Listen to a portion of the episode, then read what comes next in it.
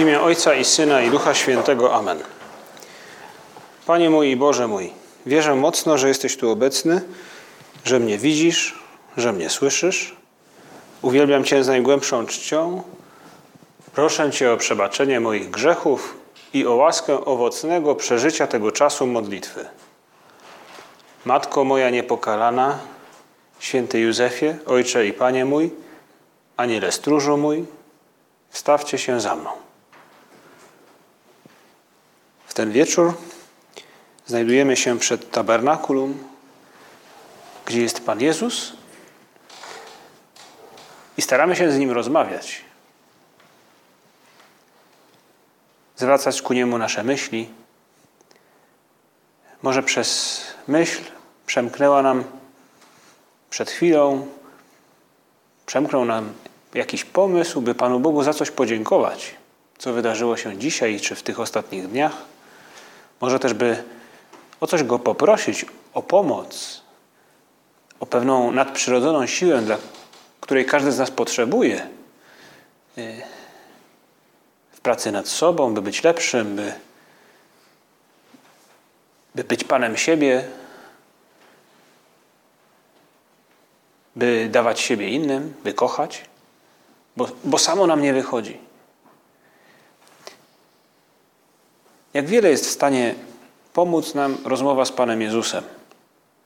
Czy to gdy przychodzimy na tego typu rozważanie, które może nam w tym w jakiś sposób pomóc, czy zachęcić nas do tego, czy to gdy na własną rękę sami, każdy z nas, gdziekolwiek się znajduje, kieruje swoje myśli ku Bogu.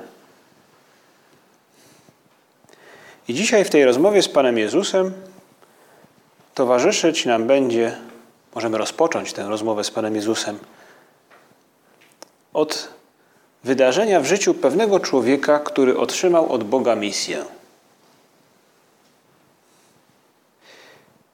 To historia proroka Jonasza. Znamy ją dosyć dobrze i skupimy naszą uwagę dzisiaj tak naprawdę na tym, co dzieje się pod koniec tej historii, bo wiemy dobrze, że zaczyna się od tego, że prorok otrzymuje od Boga misję, by, by, no, by, by skierować się do ludu z trudnym przesłaniem, z przesłaniem nawrócenia. I, i, I Jonasz nie ma na to zbytniej ochoty, boi się tego, obawia, ucieka w przeciwnym kierunku. Bóg tak organizuje sprawy, by, by, by jednak e, Jonasz w przeciwny sposób w ostateczności trafił do Niniwy. I tak w tej Niniwie, która możemy sobie wyobrazić, jest miastem pełnym ludzi, którzy, którym Bóg jest obojętny, ale nie tylko Bóg, i drugi człowiek. Można powiedzieć, że wieloma swoimi gestami tak naprawdę krzywdzą samych siebie, pogrążając się w egoizmie różnego rodzaju. Już sam fakt, że Bóg o nich pamięta i mówi im: obudźcie się, mówi nam w pewnym sensie o Bogu. Kim musi być Bóg, skoro nie rezygnuje, nie poddaje się? Kim musi być Bóg, skoro nie czyni czegoś, co może każdy z nas by uczynił? Masz co chciałeś, może byśmy powiedzieli. Ale Bóg przez Jonasza kieruje do nich słowa, które wzywają do nawrócenia. Jonasz w ostateczności jest posłuszny, idzie, głosi e, nawrócenie w tym wielkim mieście i wówczas, gdy woła jeszcze 40 dni, a Niniwa zostanie zburzona, wówczas nawracają się Niniwici, mieszkańcy tego miasta. Uwierzyli mieszkańcy Niniwy, Bogu ogłosili post i przeoblekli się w wory od najstarszego do najmłodszego. Doszło to nawet do króla Niniwy, który również się nawrócił. Ogłosił nawet, by w całym mieście dostosowano się do tego wezwania, które Bóg przez Jonasza do nich skierował. Kto wie, może się zwróci i ulituje Bóg, odstąpi od zapalczywości swego gniewu i nie zginiemy. I wówczas Księga Jonasza opowiada nam jakby o reakcji Pana Boga, który tym gestem tak naprawdę chciał osiągnąć to, co się wydarzyło. by ten, którego on ukochał, kochał go także. Zobaczył Bóg ich czyny, że odwrócili się od złego postępowania i ulitował się Bóg nad niedolą, którą postanowił na nich sprowadzić i nie zesłał jej. Tak Bóg postępuje z Niniwą. Ale Księga Jonasza opowiada, opowiada, nam dalej historię tego człowieka, który był właśnie z tą misją posłany do Niniwy, tym, który był narzędziem w ręku Boga. Gdy Bóg przebaczył Niniwitom, mówi nam dalej księga tego proroka, nie spodobało się to Jonaszowi i oburzył się. Zaskakująca sytuacja, prawda? Tyle dobra. Olbrzymie miasto, które stało już na krawędzi przepaści, jakby zdążało ku zagładzie, ale zawróciło.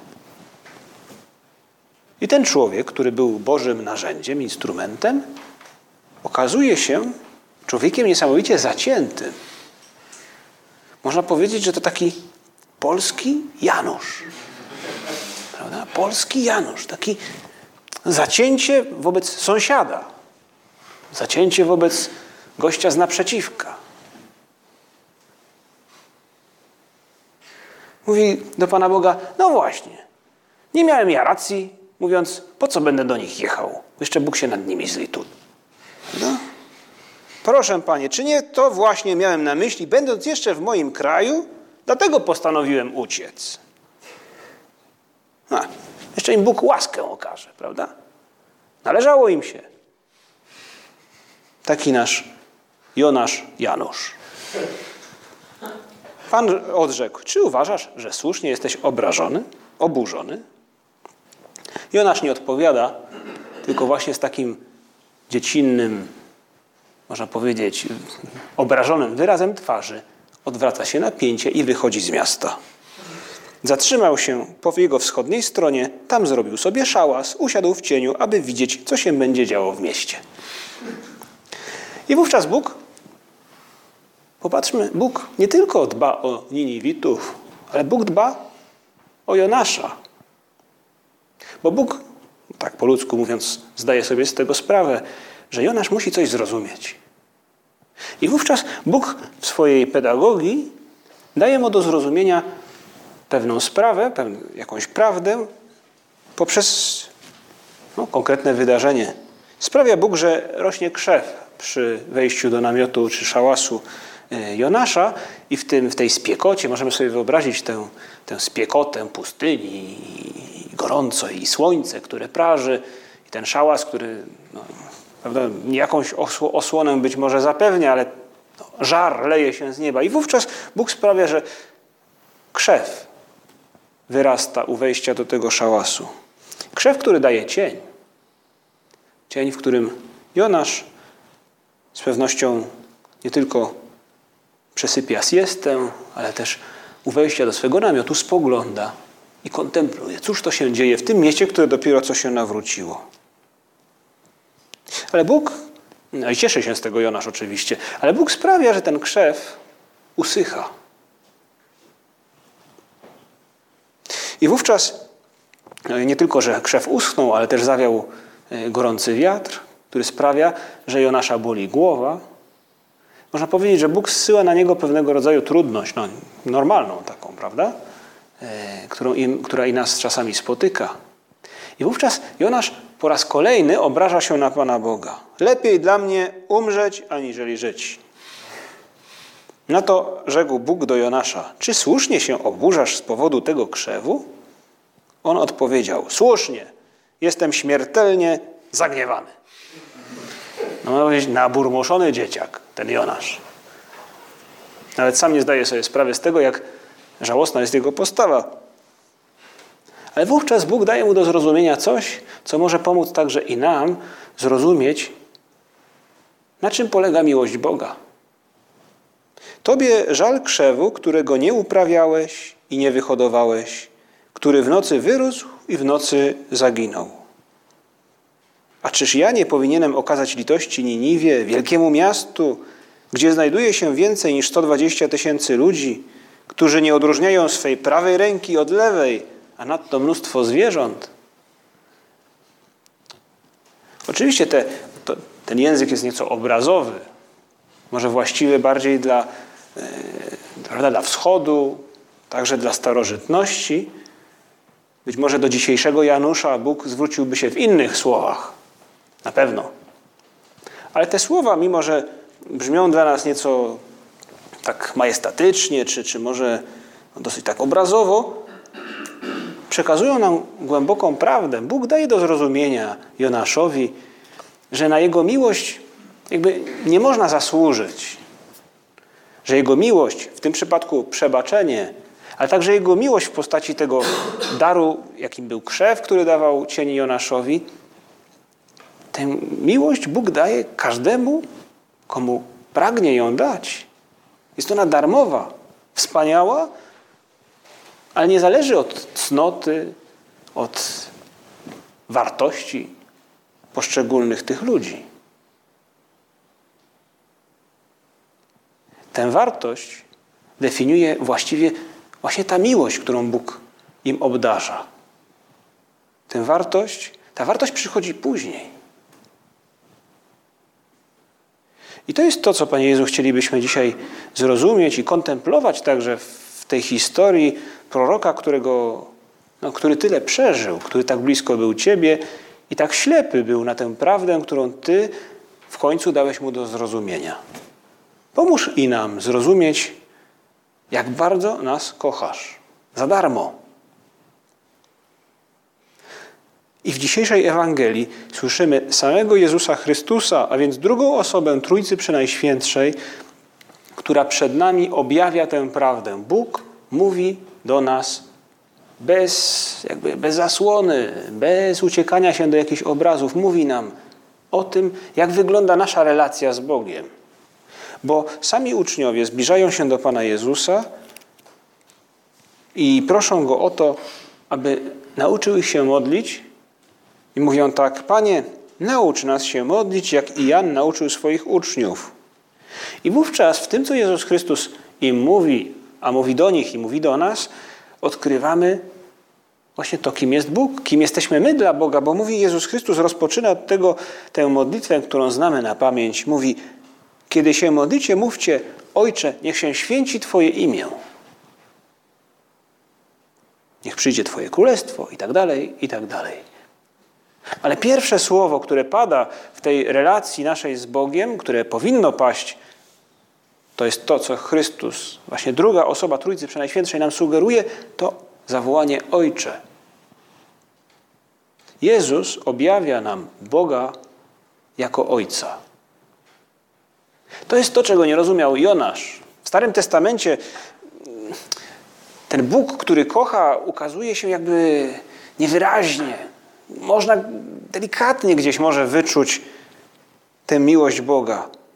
Ale to, że Bóg jest naszym Ojcem, to ukazuje nam sam Bóg w osobie Jezusa Chrystusa.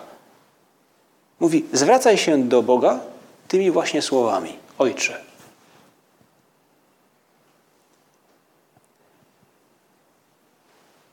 Czasami może nam być, zależy od naszych osobistych doświadczeń, czy może doświadczeń wokół nas, które widzimy. Czasami figura Ojca wokół nas może nie być taką, o której byśmy marzyli, i przez to także może być nam trudniej zrozumieć prawdziwość i pełnię miłości, którą Bóg jako Ojciec nas obdarza. Ale my dzisiaj prosimy Cię, Panie Jezu, pomóż nam tę, tę tajemnicę Twojej miłości do nas przeniknąć i wyciągnąć z niej konsekwencje.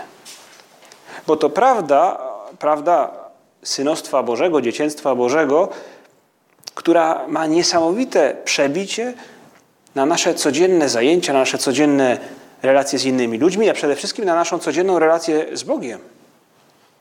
Jakże różna jest postawa obrażonego Jonasza wobec postawy dziecka, które kocha swojego ojca. Właśnie jak różna jest postawa dziecka z postawą zacietrzewionego Janusza. Wszystko się zmienia. I chrześcijanin, który nie zdaje sobie z tego sprawy, można powiedzieć, że jeszcze nie zaczął żyć pełnią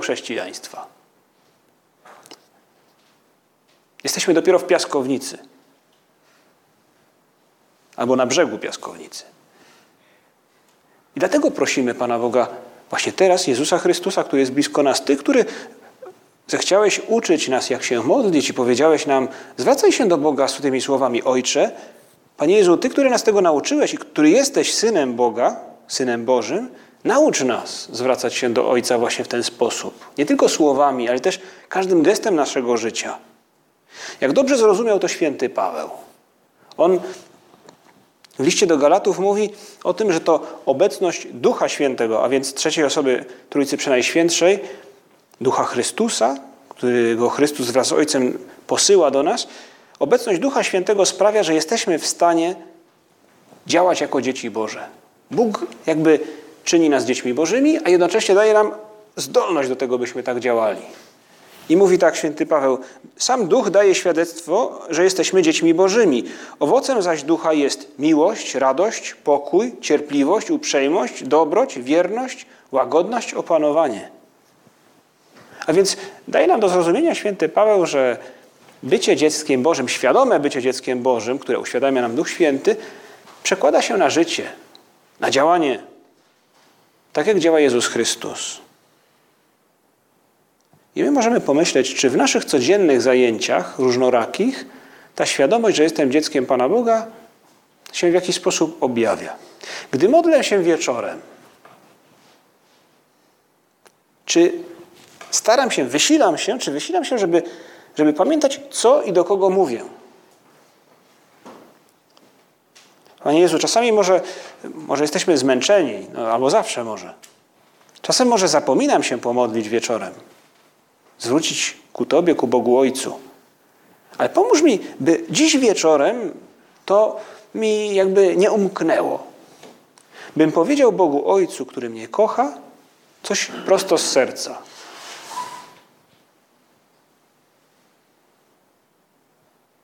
Możemy pomyśleć, czy w różnego rodzaju zmartwieniach powierzamy te zmartwienia Bogu Ojcu, tak jak te ludzkie różnego rodzaju zmartwienia powierzamy naszym rodzicom. Dzielimy się z nimi tym, że coś nam się udało na uczelni, albo że gdzieś nam udało się zapisać, bądź nie udało, że mamy taki problem, że to czy tamto. Powierzyć Bogu no, trudności, także pewne niepewności. Nie, nie znaczy, że to muszą być tragedie, ale niepewność. Jak pójdzie mi moja pierwsza sesja na, na tym roku? Czy to kolokwium? Czy ci ludzie, których poznałem, czy, czy dobrze się zgramy, czy, czy to, czy coś innego? Panie Jezu, Boże Ojcze, możemy się zwrócić właśnie w ten sposób do Niego. Pomóż mi w tym. Bądź blisko mnie. Jezus Chrystus w tej modlitwie, której nas uczy, mówi nam też: bądź wola Twoja, prawda? Uczy nas ukochać wolę Ojca. A więc jest to też żyć jak dziecko Boże, to zastanawiać się, pytać siebie, czego ode mnie chce Bóg? O co mnie prosi? Ten, który mnie tak bardzo ukochał, a więc ma prawo mnie o coś prosić. O co mnie prosi dzisiaj, w moim życiu także? To zdać sobie sprawę z tego, że Bóg jest blisko mnie i patrzy, widzi mnie. Jak ojciec, który patrzy na swoje dziecko, który bawi się na placu zabaw. Nie jeden z nas pamięta, może pamiętać, może nam jest trudno z dzieciństwa, ale z pewnością może z późniejszego dzieciństwa jeszcze pamiętamy różnego rodzaju rzeczy, które robiliśmy, e, żeby pokazać rodzicom. No, może jak przynosiliśmy ze szkoły czy z przedszkola jakiś rysunek, czy coś, co zrobiliśmy i z dumą pokazywaliśmy to naszym, e, naszej mamie, naszemu tacie. To było byle jakie. Ale chyba nie jeden z nas widział dumę na twarzy naszych rodziców. Albo widzimy ją może w rodzicach, których spotykamy gdzieś w rodzinie, czy, czy, czy, prawda, czy na ulicy, gdy dziecko rodzicom pokazuje coś, co jest materialnie byle jakie, ale wykonane z zapałem, z radością, z takim, można powiedzieć, zapałem zdobywcy, bo to nie wiem, pierwszy raz coś dziecko robi. Widzimy dumę na twarzy tych rodziców. I Bóg podobnie czyni z nami. Jeden e, znajomy opowiadał, jak w jego mieście, to akurat działo się w Ameryce Łacińskiej, niedaleko ośrodka, znajdowała się słynna budka z hamburgerami. No pewnie tak jak i w naszym mieście, prawda? Mity, taki mityczny kebab. Czy może buda, budka właśnie z pizzą, czy z hamburgerami. Również i tam coś takiego się znajdowało. I nie byłoby w tym nic dziwnego, gdyby nie to, że po hiszpańsku napisane na tej budce było Santa Hamburguesa, święty hamburger. No ale była to, prawda, mityczna budka. Wszyscy tam stali w kolejce. Można powiedzieć, student głodny potrafi docenić dobrego hamburgera. I, i, I, do tego stopnia była to słynna budka, że zrobiono wywiad z tym właścicielem i go zapytano też między innymi, słuchaj, no, czy to nie jest troszeczkę takie obrazoburcze nazwać to święty hamburger? I wówczas ten człowiek powiedział coś zaskakującego. Powiedział, nie, nie, nie, bo ja nauczyłem się od założyciela Opus Dei, że każdy hamburger może być święty, jeśli go robię dobrze z miłości do Pana Boga. I dlatego tak się nazywa. To zaskakujące świadectwo gdzieś, nie wiem, czy w internecie, czy, czy w gazecie wyczytał to ten znajomy, ale fakt, że to ktoś, ten gość od hamburgerów, kto potrafi zrobić jednego hamburgera, każdego, ze świadomością, że Bóg na niego patrzy. A więc zrobię go dobrze. I każdy z nas może teraz pomyśleć, wyobrazić sobie, jak cenny dla nas jest taki właśnie doskonały hamburger, kiedy jesteśmy głodni. Dobrze zrobiony.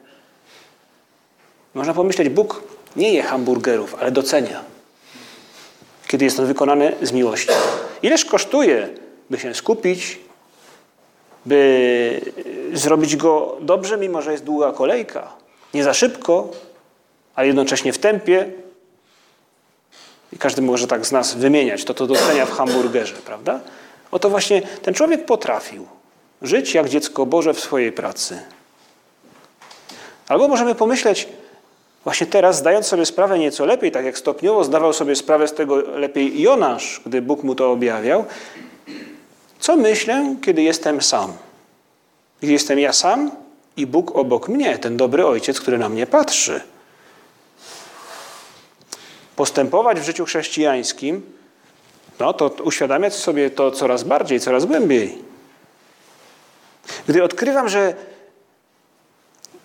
wszystko, co nawet niepozorne, ma znaczenie, jeśli, jeśli Bóg jest blisko mnie.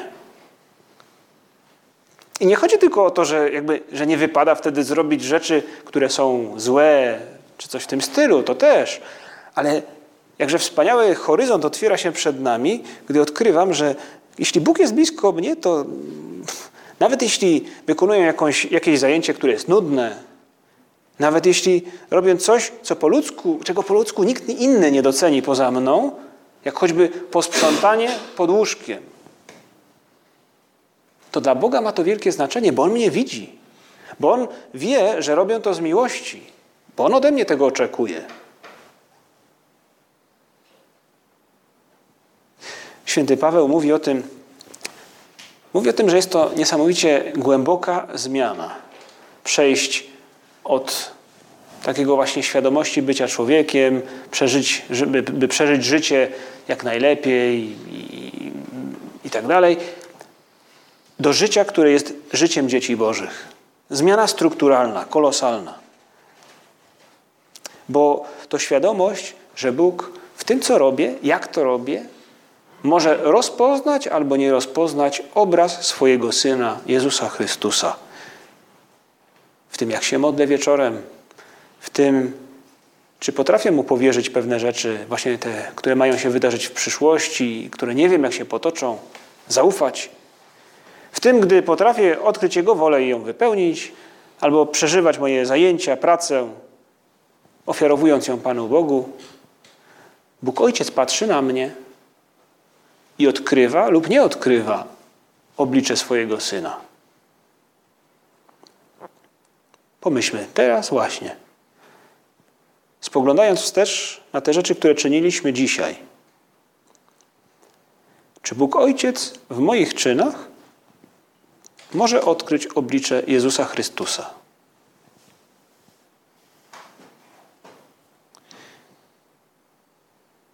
Święty Jan mówi, jak wielką miłością obdarzył nas, nas Ojciec. Zostaliśmy nazwani dziećmi Bożymi i rzeczywiście nimi jesteśmy. To nie bajka, to prawda.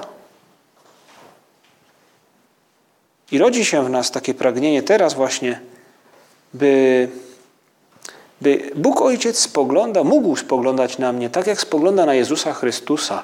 A jak spogląda, mówią na, o tym dwa momenty w Ewangelii bardzo mocne.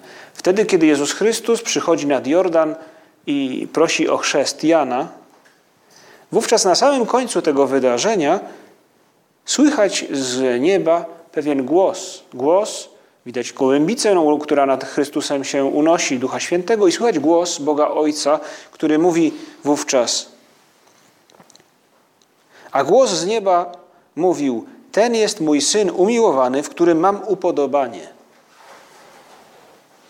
Benedykt XVI później tłumaczy, skąd to upodobanie się bierze. Mówi, to ten, który jest umiłowany, w którym Bóg ma upodobanie, bo kocha, bo wypełnia wolę Ojca, bo odpowiada na tę miłość. Ale e, Ewangelia mówi nam o, te, o Jezusie Chrystusie coś więcej, bo w, w chwili przemienienia, nieco później, słychać powtórnie bardzo podobne słowa.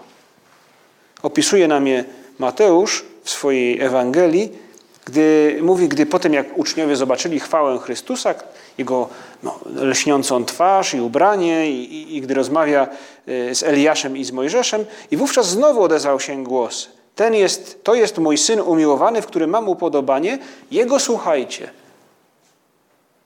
Jakby Bóg mówił do nas, naśladuj go właśnie w tym byciu synem umiłowanym, w którym Bóg ma upodobanie. Jego słuchajcie. I każdy z nas może nie tylko spojrzeć na ten swój dzień dzisiaj i być może z radością odkrywamy, że były takie momenty, w których Bóg jest zadowolony, jak właśnie ten ojciec, który spogląda na, na rysunek bazgroły swojego dziecka z przedszkola. I nie jest to dziecinada, tylko jest to głęboka teologia, zakorzeniona w Piśmie Świętym, która zmieniła życie nie tylko świętego Pawła, ale milionów chrześcijan przez dwa tysiące lat. I możemy pragnąć tego, by tak postępować, by tak żyć.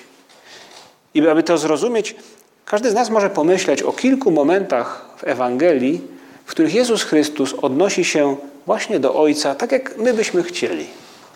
Jakie to są te momenty? Każdy z nas jest wezwany do tego, by uczynić to samemu, by je odkryć, bo Ewangelia jest dla wszystkich i w pewnym sensie no jest, jest jaka jest, ale każdy z nas odbiera ją inaczej.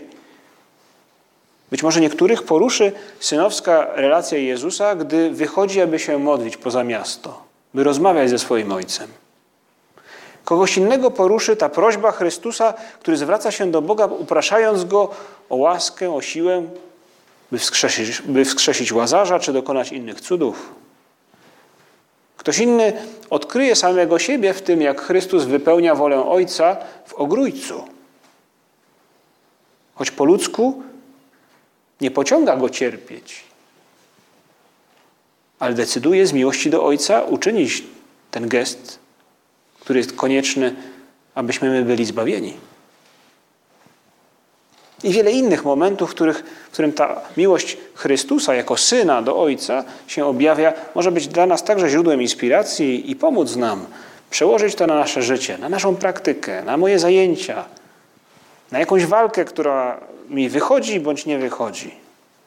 Ileż się zmienia w naszym życiu, gdy odkrywamy, że jesteśmy dziećmi Bożymi, że Bóg dał nam więcej niż na to zasługujemy gdy Bóg zaskakuje nas darem synostwa Bożego. Prośmy na koniec Najświętszą Maryję Pannę o pomoc w zgłębieniu nieco bardziej tej tajemnicy, bo im bardziej ją zgłębimy, tym większe przełożenie będzie miała na nasze życie, tym bardziej ono będzie szczęśliwe. W tym miesiącu rozważamy różaniec nieco intensywniej, bo to miesiąc różańca. Każda z tajemnic jest tajemnicą o Jezusie i o Maryi. Starajmy się dostrzec w tych tajemnicach ten smak synostwa Bożego. W niektórych jest on może głębiej ukryty, w innych jest on na pierwszym miejscu. Ale prośmy Najświętszą Maryję Pannę, aby nam pomogła odkryć ten sens i naśladować jej Syna, Syna Bożego, I możemy być pewni, że to Jego naśladowanie pomoże nam żyć dużo radośniej i dużo szczęśliwiej, bo będziemy czuli się jak dzieci, których Bóg kocha, które Bóg kocha i na które spogląda z radością.